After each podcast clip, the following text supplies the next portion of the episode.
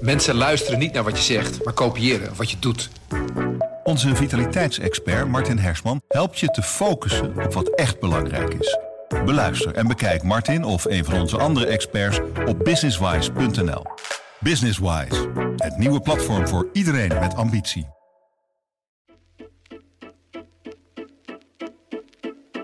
Hallo, welkom bij Haags Half Uurtje, de politieke podcast van Trouw. Mijn naam is Christel Smit en dit is alweer de laatste aflevering van dit politieke seizoen, want het zomerreces staat voor de deur. Dus we gaan er iets speciaals van maken. Want het was ook nogal een bewogen politiek crisisjaar, met bijna elke dag wel de vraag hoe lang houdt het kabinet Rutte 4 dit nog vol? We nemen dit op op donderdag 6 juli. En toen we net keken, zat het kabinet er nog. Zeker. Um, in dit Haags half uurtje blik ik even terug, of even, in een half uurtje dus, met collega's van de politieke redactie die u misschien al eens hebt door horen langskomen dit seizoen. En een daarvan is uh, Petra Vissers. Petra, welkom. Dankjewel. Uh, en jij mag als eerste, omdat er deze week een onderwerp in het nieuws was, waar weer allerlei crisissferen omheen hingen, ja. namelijk asiel en migratie. Ja. Waar hebben we het precies over? En wat zou jij als hoogtepunt van dat hele, uh, het hele crisisjaar kunnen aanmerken? Ja, nou, deze week dreigt het natuurlijk wel een hoogtepunt te worden, dan wel dieptepunt. Uh, wat er op dit moment aan de hand is, is dat um, het kabinet een asieldeal moet sluiten, of een migratiedeal eigenlijk. En uh, wat natuurlijk heel lastig is in dat grote dossier migratie, is het onderwerp asielzoekers. En um, er moet vrijdag wil de VVD een, een deal liggen. En uh, de andere coalitiepartijen is een beetje de vraag of ze zin hebben om zich uh, zo te laten opjagen. Dus uh, als deze aflevering online komt, dan weten we niet nee. of het kabinet er nog zit. Afloop ongewis. Afloop ongewis. Um, maar goed, we gingen terugkijken. En we hebben het natuurlijk al het hele politieke jaar over migratie en asiel. Hebben we het hier ook al een paar keer over gehad. En... Um, wat eigenlijk ja, de, de, rode draad was slash is, is dat het natuurlijk um, in de asielopvang nog altijd niet, uh, niet goed loopt. Er zitten nog steeds heel veel mensen in de noodopvang, in de crisisnoodopvang. Um, een immigratiedeal, die, hè, de wens tot die migratiedeal waar nu zo'n gedoe over is... Uh, uh, ja, komt daar ook wel uit voort, omdat met name VVD en CDA zeggen... Um, er zijn gewoon veel te veel asielzoekers. En uh, ChristenUnie en uh, D66 zeggen ja, maar we moeten gewoon uh, het allemaal beter regelen. Nou, het grote ding om dat beter te regelen uh, moet de spreidingswet worden. Dus dat is een wet die gemeenten uiteindelijk kan dwingen om asielzoekerscentra te openen, waardoor ook het, de bedoeling is dat mensen beter over het land verdeeld worden. En eigenlijk het meest frappante interessante moment in, in al die gesprekken en discussies en debatten over die spreidingswet vond ik uh, de hoorzitting daarover een aantal weken geleden. Begin juni was dat. Wie zaten daar? Ja, daar zaten uh, nou, heel veel mensen. Er zaten hè, bijvoorbeeld uh, mensen van vluchtelingenwerk, maar ook um, burgemeester van Ter Apel. er zat um, Rutger Groot-Wassink, die namens de Vereniging Nederlandse Gemeenten het woord voert over asiel. Uh, iemand namens de provincies, iemand namens uh, de commissarissen van de Koning. En um, wat ik daar heel erg opvallend vond, uh, eigenlijk twee dingen. Het ene is denk ik best wel tekenend, niet alleen voor, voor asiel, maar sowieso um, voor het, nou, een veel gehoorde kritiek op, uh, op Politiek Den Haag afgelopen jaar is dat ik um, zowel de gemeente als de provincies als de commissarissen van de Koning heel fel vond over uh, de kwaliteit en dan met name de slechte kwaliteit van de spreidingswet. Daar is natuurlijk door allerlei verschillende organisaties uh, en ook de Raad van State over gezegd, hij is te lastig. hij, hij is eigenlijk onwerkbaar. Um, en zij waren daar echt, ik had dat nog niet eerder gezien, echt heel fel op. Dat, op de duur zei Jette Kleisma, zei echt, jullie kunnen wel slechte wetten blijven maken, maar wij zitten daarmee en ik pas daarvoor. Dat was echt wel, uh, vond ik heel opvallend. En uh, het tweede was eigenlijk, uh, wat ik ook opvallend vond en wat denk ik ook heel goed is om in het achterhoofd te houden, is dat um, Jaap Velema, de burgemeester van Ter Apel, ook wel echt emotioneel werd toen hij memoreerde hoe slechte omstandigheden in Ter Apel zijn geweest voor met name kinderen. Um, en dat is denk ik in al het uh, uh, politieke gedoe en gekonkel en uh, camera's en hekken en journalisten uh, ook heel goed om te bedenken dat het Ja. uiteindelijk. Want daar ging het helemaal niet over, toch, deze week? Nee. Over sprei- die spreidingswet die eh, is er nog steeds niet door, Nee. maar is ook in het kabinet niet ter discussie. Dus waar Nee. gaat het eigenlijk over? Waar hebben ze het over in het kabinet? Ja, dat gaat dus nu echt over die wens om minder asielzoekers naar Nederland te krijgen. En hoe urgent is dat? Want de cijfers zijn anders dan eh, Ja, nee, kijk, er is natuurlijk afgelopen weken, maanden is er steeds gesproken over 70 tot 77.000 asielzoekers. Nou, daar bleek deze week dat dat aantal sowieso niet gehaald gaat worden. Ook niet als er eh, niks gebeurt. Ehm, dus daar kun je over twisten hoe urgent dat is. En dat is denk ik ook precies waar het kabinet op dit moment over twist. Dat, dat doen ze natuurlijk eigenlijk al sinds de vorming van deze coalitie. Eh, is dit nou een, eh, een zelfgecreëerde crisis of eh, komt het omdat er veel te veel mensen naar Nederland komen? Vorig jaar hadden we natuurlijk die opvangcrisis in Ter Apel. Hoe, Ja. hoe zie jij dat deze zomer? eh, kunnen we weer zoiets verwachten? Nou, ik kan me niet voorstellen dat er weer mensen in Ter Apel gaan slapen. Puur Buiten? buiten, in het Mhm. gras. Hè? Puur omdat staatssecretaris Erik van den Burg zo vaak heeft gezegd tegen Ter Apel... eh, dat gaat gewoon, dat ga ik niet meer laten gebeuren. Dus ik denk echt dat hij nog liever mensen in bussen stopt en rondjes laat leiden over de snelweg, dan dat er weer mensen, hè, dan dat Ter Apel weer met de problemen zit. Neemt niet weg dat er nog steeds, en dat vergeten we een beetje, omdat het niet voor de ogen van de camera gebeurt, er zitten nog steeds heel veel mensen al maandenlang in sporthallen en evenementenhallen te eh, verpieteren.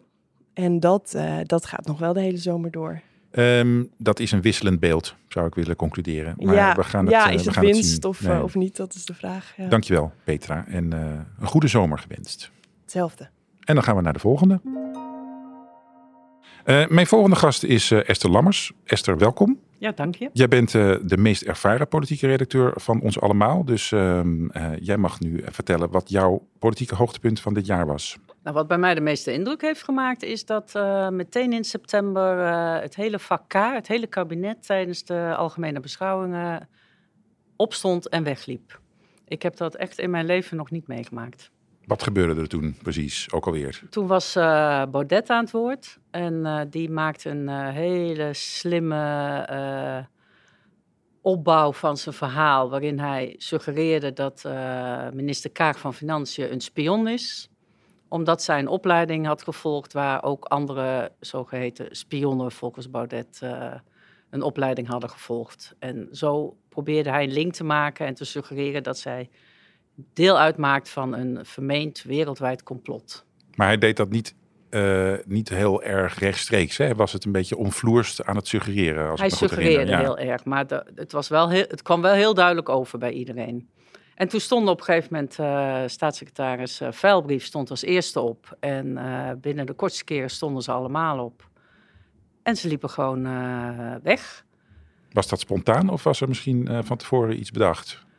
Nou ja, je merkte wel dat het, dat het kabinet had met elkaar besproken van alle aanvallen, de persoonlijke aanvallen, de valse aanvallen eh, op hun persoon, dat ze dat een beetje zat waren. En dat ze hadden afgesproken, we gaan daar tegengas ge- tegen geven. We laten het ons niet gebeuren dat we de hele tijd worden weggezet en in een hoek gedrukt op de persoon. Oké. En met name Kaag heeft daar natuurlijk bovenmatig veel last van. Dus da- daar waren de oortjes extra scherp, denk ik. Maar goed, de Kamer reageerde eigenlijk vooral boos, want het was onfatsoenlijk. Het kabinet is op uitnodiging van eh, de Kamer daar. En dan ga je niet zomaar weglopen.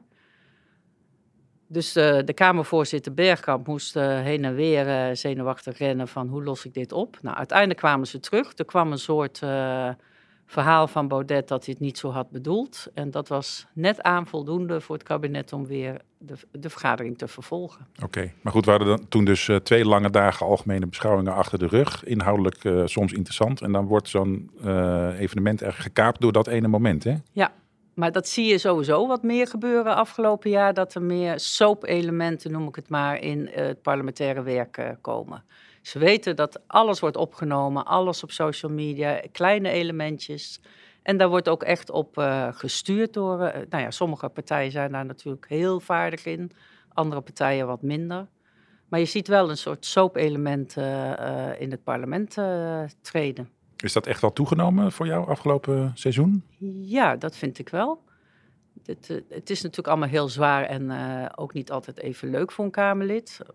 Maar het helpt daarmee om een boodschap over te brengen. En ja, je ziet dat de beeldvorming uh, daar, daar gevoelig voor is.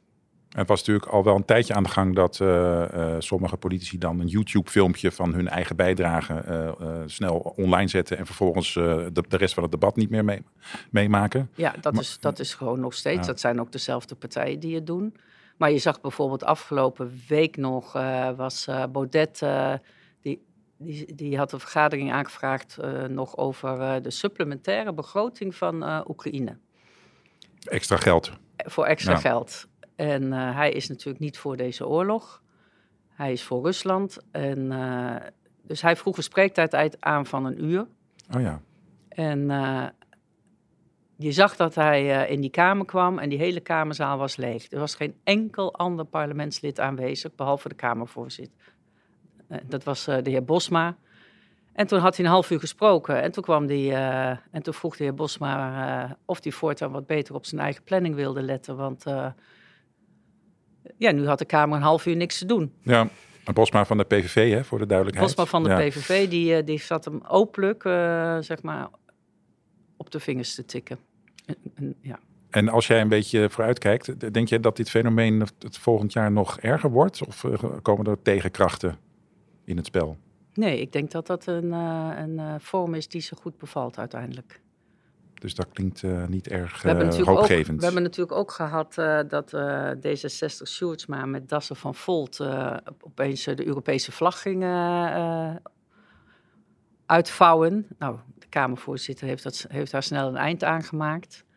Maar we zien ook dat vanuit de publieke tribune, dat, dat hoe daar gereageerd wordt, heeft effect op het Kamerdebat.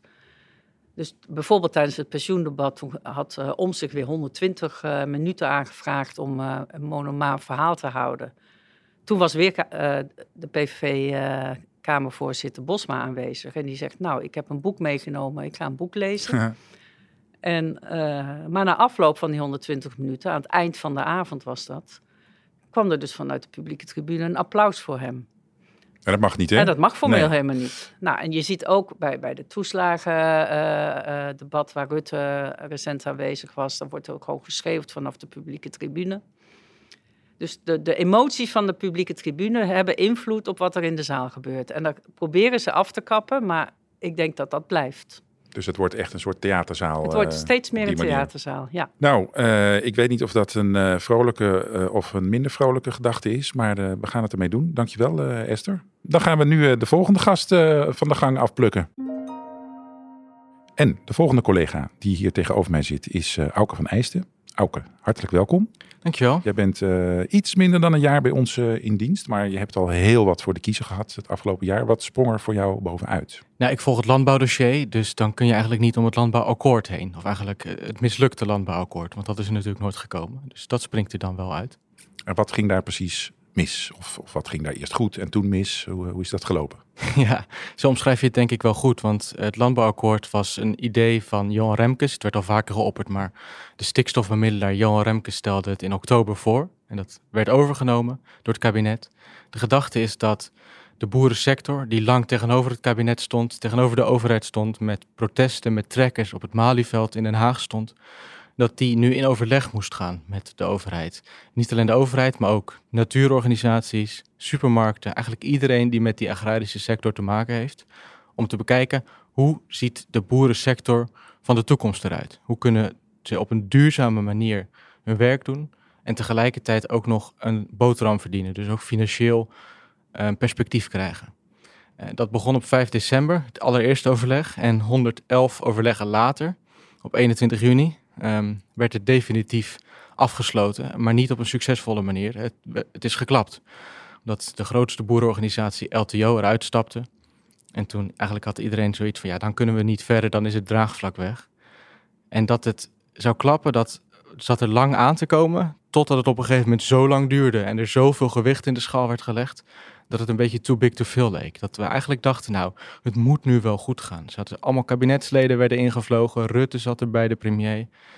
En toch zei op een gegeven moment die LTO van ja jongens, we zien er gewoon geen hel en we hebben er onvoldoende vertrouwen in. Het perspectief is weg. Dat waren hele lange nachtelijke overleggen vaak. Soms tot, tot het al, de zon alweer opkwam en uh, uh, uiteindelijk toch, toch mislukt. Dus dat is wel een, uh, ook voor minister Adema, de verantwoordelijk minister, een, een behoorlijke dreun geweest. Eigenlijk zijn hele ministerschap draaide ongeveer om dit akkoord. En nou moet hij het zelf gaan doen. Ja, en we kennen Nederland en de Nederlandse politiek natuurlijk als het poldermodel. Er wordt net zo lang doorgepraat tot er een uh, compromisakkoord ligt waar iedereen zich een beetje aan, in kan vinden. Maar waarom is dat in dit geval dan toch niet goed gegaan? Omdat er onvoldoende vertrouwen was. Um, de gedachte was eigenlijk dat er naast het stikstofbeleid, wat natuurlijk voor hele harde, pijnlijke ingrepen zorgt, ook een perspectief moest komen. Alleen ook in dat landbouwakkoord zaten pijnlijke maatregelen. Hoe zorgen boeren ervoor dat ze de bodem niet vervuilen, dat ze het water niet vervuilen, dat ze niet te veel stikstof uitstoten? Uh, nou, al die maatregelen waren eigenlijk behoorlijk concreet. Dan en dan moet dit gebeurd zijn. Dit moeten jullie doen, zo moeten jullie ingrijpen. Behoorlijk hard dus. Daartegenover stonden beloftes van het kabinet, best vergaand, maar beloftes. Geen garanties. Vaak had het te maken met onderhandelingen in Europa. Um, Mag het wel volgens de vrije marktprincipes?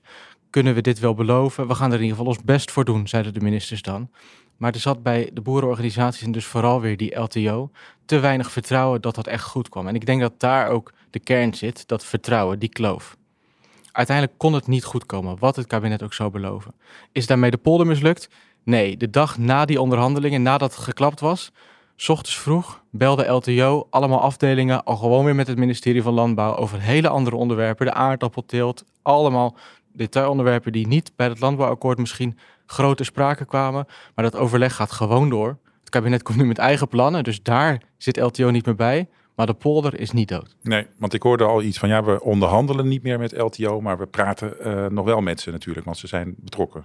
Je kunt dit landbouwbeleid voor de toekomst niet vormgeven zonder overeenstemming of in ieder geval nauw overleg met de betrokken organisaties. De supermarkten, welke prijs gaan zij hanteren voor voedsel? De boerenorganisaties, op welke manier gaan zij voor die verduurzaming zorgen, et cetera. Dus het moet wel in overleg met overheden, provincies, boerenorganisaties, natuurclubs, supermarkten, andere belanghebbenden. In je eentje kan dit gewoon niet. Het kabinet kan niet met dwingende wetten komen van dan en dan moet dit geregeld zijn. Het is te complex, deze hele sector. Ook in combinatie met andere Europese landen bijvoorbeeld. Hoe zorg je er, als, als we het hier allemaal heel duurzaam maken, kan je natuurlijk die goedkope producten bijvoorbeeld gewoon importeren uit het buitenland. Nou, op die, om dat te voorkomen moet je met afspraken uh, komen. En dat, dat kan het kabinet nooit in zijn eentje. Dus dat contact zal er blijven zijn. Ja, maar goed, je zei al, uh, minister Adema uh, komt met iets in september. Wat, wat verwacht jij daarvan? Ik verwacht in ieder geval dat het niet voor september komt. Dus dat betekent dat we eigenlijk een behoorlijk uh, rustige zomer tegemoet gaan. Ondanks dat het een explosief dossier is, hebben we eigenlijk een zomer waarin met relatieve kalmte. Dus uh, welke plannen hij precies mee zou komen, dat blijft afwachten. Maar um, verwacht komende periode in ieder geval geen enorme clashes of uh, grote politieke beroering. En ook geen blokkades van snelwegen dat is natuurlijk altijd aan de boeren zelf, maar uh, de kans is nu minder groot dan vorig jaar. Ik vind het een geruststellende afsluiting, uh, Auke. Dankjewel en uh, succes na de zomer met dit dossier. Dank je. Dankjewel. Um, en wie hebben we nu als volgende op de gang?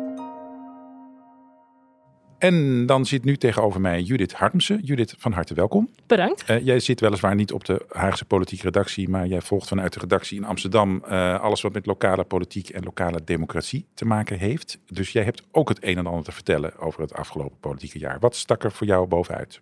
Zeker. Nou, het zal misschien de luisteraar niet uh, enorm verbazen, aangezien uh, het onderwerp waar ik het over wil hebben ook een onderwerp is waarvoor ik hier al een keertje heb gezeten. Uh, namelijk de provinciale statenverkiezingen. Uh, en ik denk dat het uh, dan goed is om even terug te gaan naar de verkiezingsavond. De avond waarop uh, zo langzamerhand provincie voor provincie de uitslagen binnenkwamen. Dat was en half maart, hè? Dat was half maart, ja. ja 17 maart uit mijn hoofd, als ik het goed zeg. Ik dacht 15, maar 15 whatever. maart. Ja, dat, ja nee, 15 maart denk ik, ja. Um, in elk geval, uh, uh, op die verkiezingsavond uh, kwamen dus de uitslagen binnen en werd eigenlijk steeds duidelijker dat de goede uitslag voor BBB, nou ja, toch wel een monsterzegen werd. Dat, dat woord kwam ook elke keer weer terug. Ik denk dat de luisteraar zich misschien ook nog wel de foto kunnen herinneren van Caroline van der Plas, die met haar handen voor de mond de uitslagen op stond te nemen. Die foto heeft in eigenlijk alle kranten volgens mij gestaan de dag erna. Uh, en uh, nou ja, dat tekent eigenlijk wel hoe uh, onverwacht eigenlijk ook voor die partij deze enorme winst was. Want het onverwachte was vooral dat ze eigenlijk in elke provincie de grootste zijn geworden. Hè? Dat had niemand verwacht. Dat klopt, ja. dat, dat was ook nog best lang onduidelijk. Ik kan me herinneren dat ik ben de dag na de verkiezingen heel vroeg begonnen met werken. Dus de Haagse collega's tot laat in de avond. En ik ben heel vroeg opgestaan om het daarna weer over te nemen. En toen ik begon aan mijn dienst, toen was eigenlijk nog duidelijk dat ze in, uh, ik geloof wel een stuk of tien provincies de grootste waren. Maar in elk geval Utrecht was het nog heel lang onzeker uh, of ze daar ook de grootste zou, zouden zijn. En tegen de tijd dat ik naar huis ging was duidelijk van oké, zelfs Utrecht uh, is richting BBB gevallen. was een klein verschil met de nummer twee GroenLinks, maar toch, ze waren overal de grootste. En um, het was natuurlijk een relatief nieuwe partij die opeens de grootste werd, de BBB. Uh, zie jij dat eh, passen in een grotere trend in de politiek van de laatste jaren? Uh, nou, we hebben natuurlijk eerder zich bij de provinciale staatsverkiezingen gezien dat uh, Forum voor Democratie eigenlijk ook uit het niks ontzettend groot werd. Um, dus in die zin lijkt het wel de verkiezing te zijn waarbij het voor een nieuwe partij te doen is om om in één keer op te komen. Nu, zo groot als dit was, uh, hebben we eigenlijk nog niet eerder gezien. En wat ook wel een groot verschil is, is dat BBB eigenlijk, dat weten we dus in nu, een paar, paar maanden later, dat BBB er ook heel erg goed in geslaagd is om toch in het grootste deel van die provincies ook de verkiezingszegen te verzilveren, zoals we dat wel zeggen. Dus ook echt coalitieakkoorden te sluiten en bestuurders te gaan leveren. In tegenstelling tot Forum uh, vier jaar geleden. Precies, ja. dus dat is een groot verschil. Uh, en welke rol heeft die BBB precies in de provincies nu uh, te pakken? Nou, in de meeste provincies hebben ze echt ook de leiding gehad bij de formatie. Wat betekent dat ze dus ook verkenners hebben geleverd. In eerste instantie overal. Uh, op een gegeven moment werd het wel duidelijk dat in Utrecht GroenLinks en BBB, dus eigenlijk de nummer 1 en 2, elkaar toch niet goed genoeg konden vinden. Dus daar is uiteindelijk een coalitie gevormd zonder BBB. Maar eigenlijk op alle andere plekken heeft BBB de leiding gehad. En dat proces ook ja, dus zelf verkenners aangeleverd, informateurs voorgesteld. En zijn ze gaan onderhandelen. En inmiddels zien we dat eigenlijk tien van de twaalf provincies klaar zijn, waarvan dus in negen eh, BBB ook in het, in het bestuur, provinciebestuur komt. En de gedeputeerde le levert vaak ook van landbouw niet overal. Um, maar goed, ze hebben wel overal mensen weten te vinden die ze naar voren schuiven. die de komende vier jaar dus ook echt dat beleid mogen gaan bepalen. Maar goed, maar voor die collegevorming moet je soms met heel andere partijen uh, compromissen sluiten. Met GroenLinks, PvdA bijvoorbeeld. Ja. Uh, wat merk je daarvan? Heeft BBB water in de wijn moeten doen? Um, ik, ja, ik, dat is een beetje lastig te zeggen, omdat heel veel van die akkoorden zijn akkoorden op hoofdlijnen. Dus dan is het toch altijd een beetje afwachten van hoe gaat de uitwerking er precies uitzien. Uh, heel veel details, en dat zijn toch vaak de, uh, de, de, dat is toch vaak waar het gaat schuren. Maar heel veel details staan daar dan nog niet in. Maar goed, je ziet wel een verschil. Dus uh, in Gelderland bijvoorbeeld zit een redelijk rechtse coalitie met SGP onder andere ook en CDA, VVD.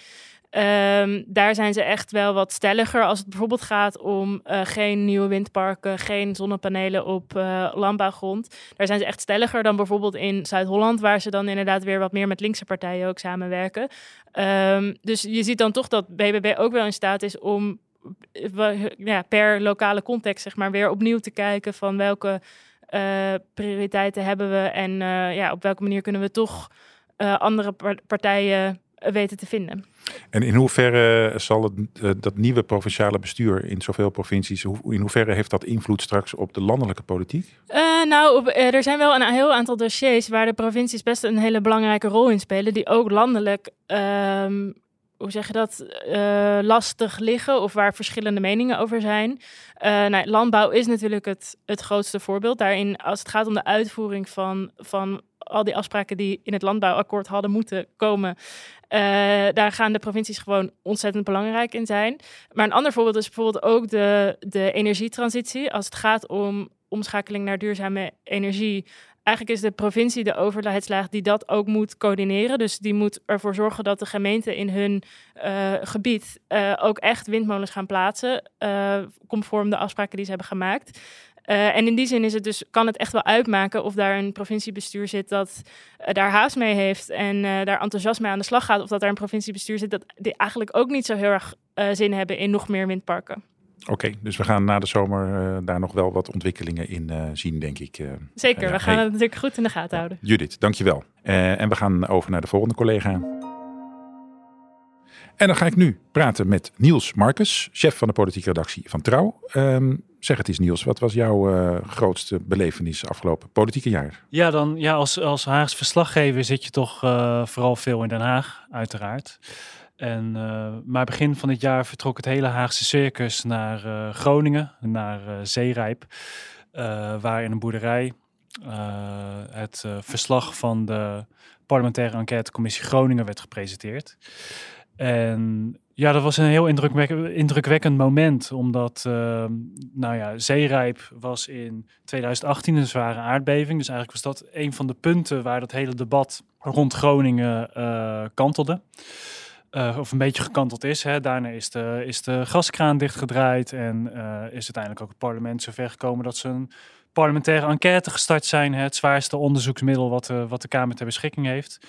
En um, de voorzitter Tom van der Leden hield daar een uh, toespraak van, ik geloof, nou ja, toch wel twintig minuten, misschien bijna een half uur.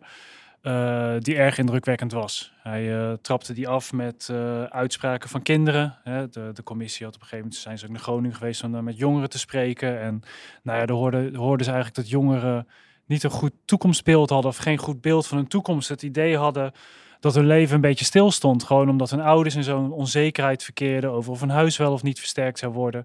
Omdat zij zelf niet wisten of ze misschien wel in Groningen zouden kunnen, kunnen blijven wonen. hij citeerde een van de jongeren die zei: Ik durf eigenlijk niet vooruit te kijken in mijn leven. Um, en die, die speech, ja, die bouwde hij zo op uiteindelijk naar de toch erg heftige conclusies van die parlementaire enquête. En dat, nou ja, wat uh, wat daarvan is blijven hangen is, nou, wat dat hij zei, de belangen van de Groningers zijn structureel genegeerd.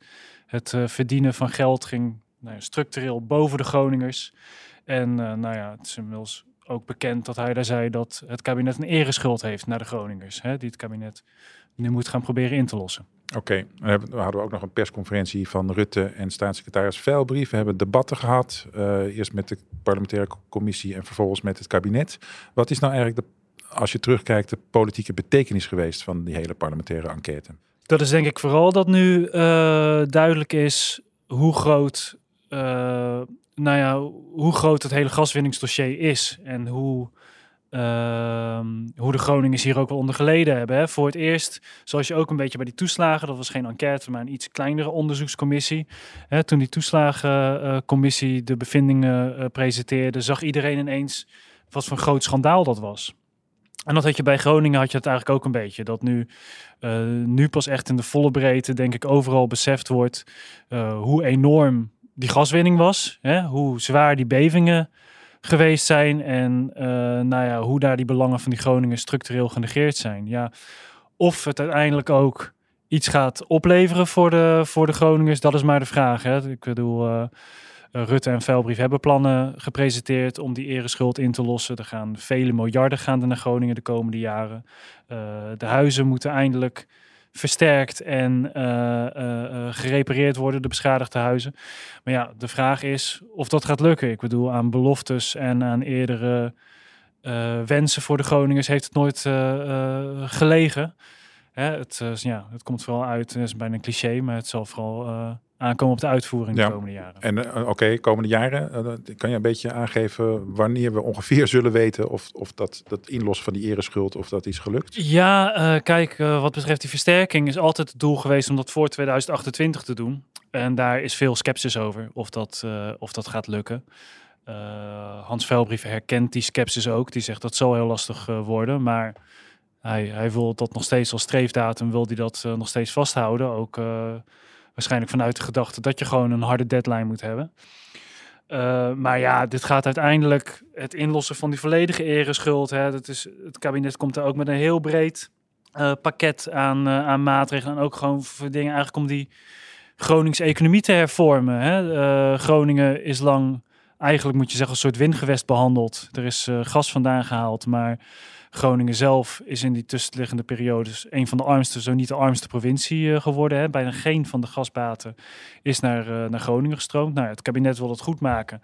Onder meer door eh, grote waterstof. eh, nou, waterstof, de, de, de uitrol daarvan moet een grote rol in de Groningse economie gaan, gaan vinden. Ehm, er moet eh, eh, op een andere manier eh, landbouw daar gevoerd worden. Dus eigenlijk moet die hele provincie omgevoerd, omgevormd worden naar een soort andere economie. Ja, voordat, je, voordat het zo ver is, ja, dan praat je over misschien wel decennia natuurlijk. Duidelijk, Niels. Eh dankjewel. Eh, zijn we nog iets vergeten in deze aflevering?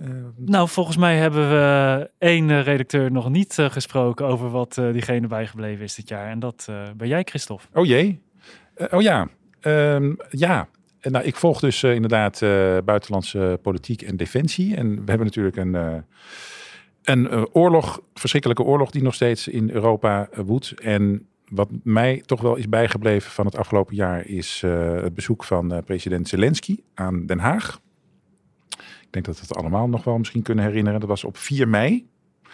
En ik weet niet, misschien dat je nog weet hoe dat ging, maar eh, op, de vooravond daarvan, 3 mei, kreeg ik opeens een telefoontje van jou. En Ja. zelfs nog van onze vroegere chef Bart. Die, jullie waren allebei gebeld door de Rijksvoorlichtingsdienst. Ja, Eh, en dat was een beetje een geheimzinnige mededeling. Zei van ja, eh, dit moet je wel voor je houden, maar morgen komt Zelensky naar Den Haag. ja dat zijn natuurlijk allerlei, geheim. eh, ja. zijn natuurlijk allerlei veiligheidsmaatregelen omheen. Het jammere was dat ik er zelf niet bij kon zijn op die 4 mei, want ik kon echt met geen mogelijkheid in Den Haag zijn. Dus, maar goed, alles werd rechtstreeks op tv uitgezonden, dus ik kon het wel eh, op die manier volgen. Eh, en bovendien, eh, ik weet niet precies wie dat nou als eerste heeft uitgelekt die avond van de 3 mei, dat Zelensky zou komen. Maar wat heel veel aandacht heeft getrokken, dat is een tweet van Caroline van der Plas, van de BBB. Het was volgens mij half elf s'avonds. avonds en ik heb me hier nog eventjes teruggezocht. Wat ze letterlijk tweeten was één dag per jaar, nog 4 mei, één dag per jaar dat we onze, dat was dan in kapitalen, oorlogsslachtoffers herdenken. Eén dag. Dat moet op 4 mei centraal staan. Niet Zelensky. En zij vond het dan misplaatst dat, eh, dat uitgerekend op die dag eh, de Oekraïense president op bezoek kwam. Ehm, ik vond dat wel een tekenend eh, eh, bericht eigenlijk van haar. Want zij, zij was toen nog redelijk op een roze wolk van die verkiezingsuitslag. Hè, van, Ze had die grote eh, klap gemaakt op 15 maart bij de Provinciale Statenverkiezingen. Zij had heel veel respect, ook afgedwongen de manier waarop ze daarmee omging. En ze was super populair. En laten we eerlijk zijn, zij deed het ook ontzettend goed in haar Zeker. communicatie. En, maar dit was wel een moment dat, dat ze heel veel tegenkrachten opriep. Want deze tweet viel echt totaal verkeerd. Hè. Vooral dat onze oorlogsslachtoffers. Ehm, het klonk heel nationalistisch en eh, ja, veel mensen vonden dat zelfs een beetje bekrompen van haar. We hebben volgens mij zelfs ingezonden brief in de krant eh, van mensen die zeiden van mijn stem ben je alweer kwijt, Caroline. Dus ik denk dat ze een beetje heeft onderschat eh, wat voor een, negatieve gevolgen deze boodschap had. En nou ja, ik vond wel opvallend het contrast tussen dat grote gewicht van dat bezoek van Zelensky, wat natuurlijk heel, ja, toch wel een heel belangrijk moment was voor Nederland ook en voor de, de positie van Nederland in die oorlog. Eh, en de nationale politiek, zoals die werd eh, geuit door eh, Van der Plas. Is dat iets wat je meer ziet? Dat grote internationale thema's in Den Haag heel klein gemaakt worden? Ja, ja als, je, hè, als er debatten zijn over, in de Tweede Kamer over, over de oorlog, over wapenleveranties aan Oekraïne, dan uh, er is wel een grote meerderheid uh, die, die, die die wapenleveranties ondersteunt. Maar er zijn toch ook wel redelijk sterke geluiden hè, van uh, Wieber van Haga of van Thierry Baudet. Die zeggen van uh, we moeten helemaal niet wapens naar Oekraïne sturen, want daarmee verlengen we de oorlog. En soms zelfs een beetje ronduit pro-Russische geluiden. Um, en inderdaad, redenerend vanuit eigen belang eerst. En de verdediging van Nederland moet voorop staan. Terwijl je zou ook kunnen zeggen van die oorlog in Oekraïne is ook ontzettend in ons uh, veiligheidsbelang. Uh, dus ja, dat, dat zie je wel vaker, dat contrast. En heeft dit, deze nou ja, toch wel uitgeleider van, uh, van Caroline van der Plas, heeft hij iets veranderd op dat moment? Hoe, hoe er met haar omgegaan werd in de Kamer? Leidde dat ook politiek tot felle reacties? En zie je dat, nou ja, dat dat misschien toch iets met haar imago gedaan heeft? Of? Ja, nou wat ik al zei, ik heb wel de indruk dat een deel van, van de mensen die op 15 maart op, op die partij gestemd hebben, dat die, is, dat die zich achter de oren gingen krabben. Van, van wat voor partij is dit eigenlijk? Uh, want hun standpunten over de agrarische sector en over stikstof, die zijn bekend. Maar uh, over migratie of over die oorlog, daar moeten ze nog heel erg hun standpunt in bepalen. En het is wel interessant om te zien hoe dat zich ontwikkelt bij de BBB. En of ze nog steeds in staat zullen zijn uh, ook andere mensen natuurlijk dan Caroline van der Plas. Uh, om, um, om serieus genomen te worden als, als fatsoenlijke partij. Ja, ja, en zij heeft geloof ik toen, toen al die ophef ontstond ook direct ook weer per tweet gereageerd geloof ik hè? Nou ja, ik weet niet, ik heb niet alle tweets gevolgd, maar um, ik heb wel de indruk dat zij moeite heeft met uh, fouten toegeven. Uh, en uh, nou goed, dan is dat natuurlijk, dat geldt dat voor bijna iedereen hier in Den Haag. Uh, nou ja, we hebben, meer politici, ja. we hebben natuurlijk wel heel veel excuses gehad de afgelopen jaar. helaas zijn we daar in dit krap half uurtje hebben we het nog niet eens over het slavernijverleden gehad en over andere soorten excuses. maar goed, daar ging onze aflevering van vorige week over. Um, maar goed, individuele politici die sorry zeggen voor een stomme opmerking, dat, dat hoor je niet zo vaak. Dus uh, zij groef zich ook een beetje in, in haar eigen gelijk, heb ik het idee. Uh, en of dat slim is, dat uh, moet nog blijken. Ja. Oké, okay. dan ben ik ook uitgepraat. Dit was dan Haags half uurtje voor deze week en voor dit seizoen. deze podcast werd gemaakt door Hanne van der Wurf en George Paul Henneberken. Uh, meer podcasts staan op onze website www.trouw.nl slash podcasts. En volgende week zijn we er dus niet, want we gaan er een tijdje tussenuit. Maar ergens in september pakken we de draad weer op. Een hele fijne vakantie allemaal en tot dan.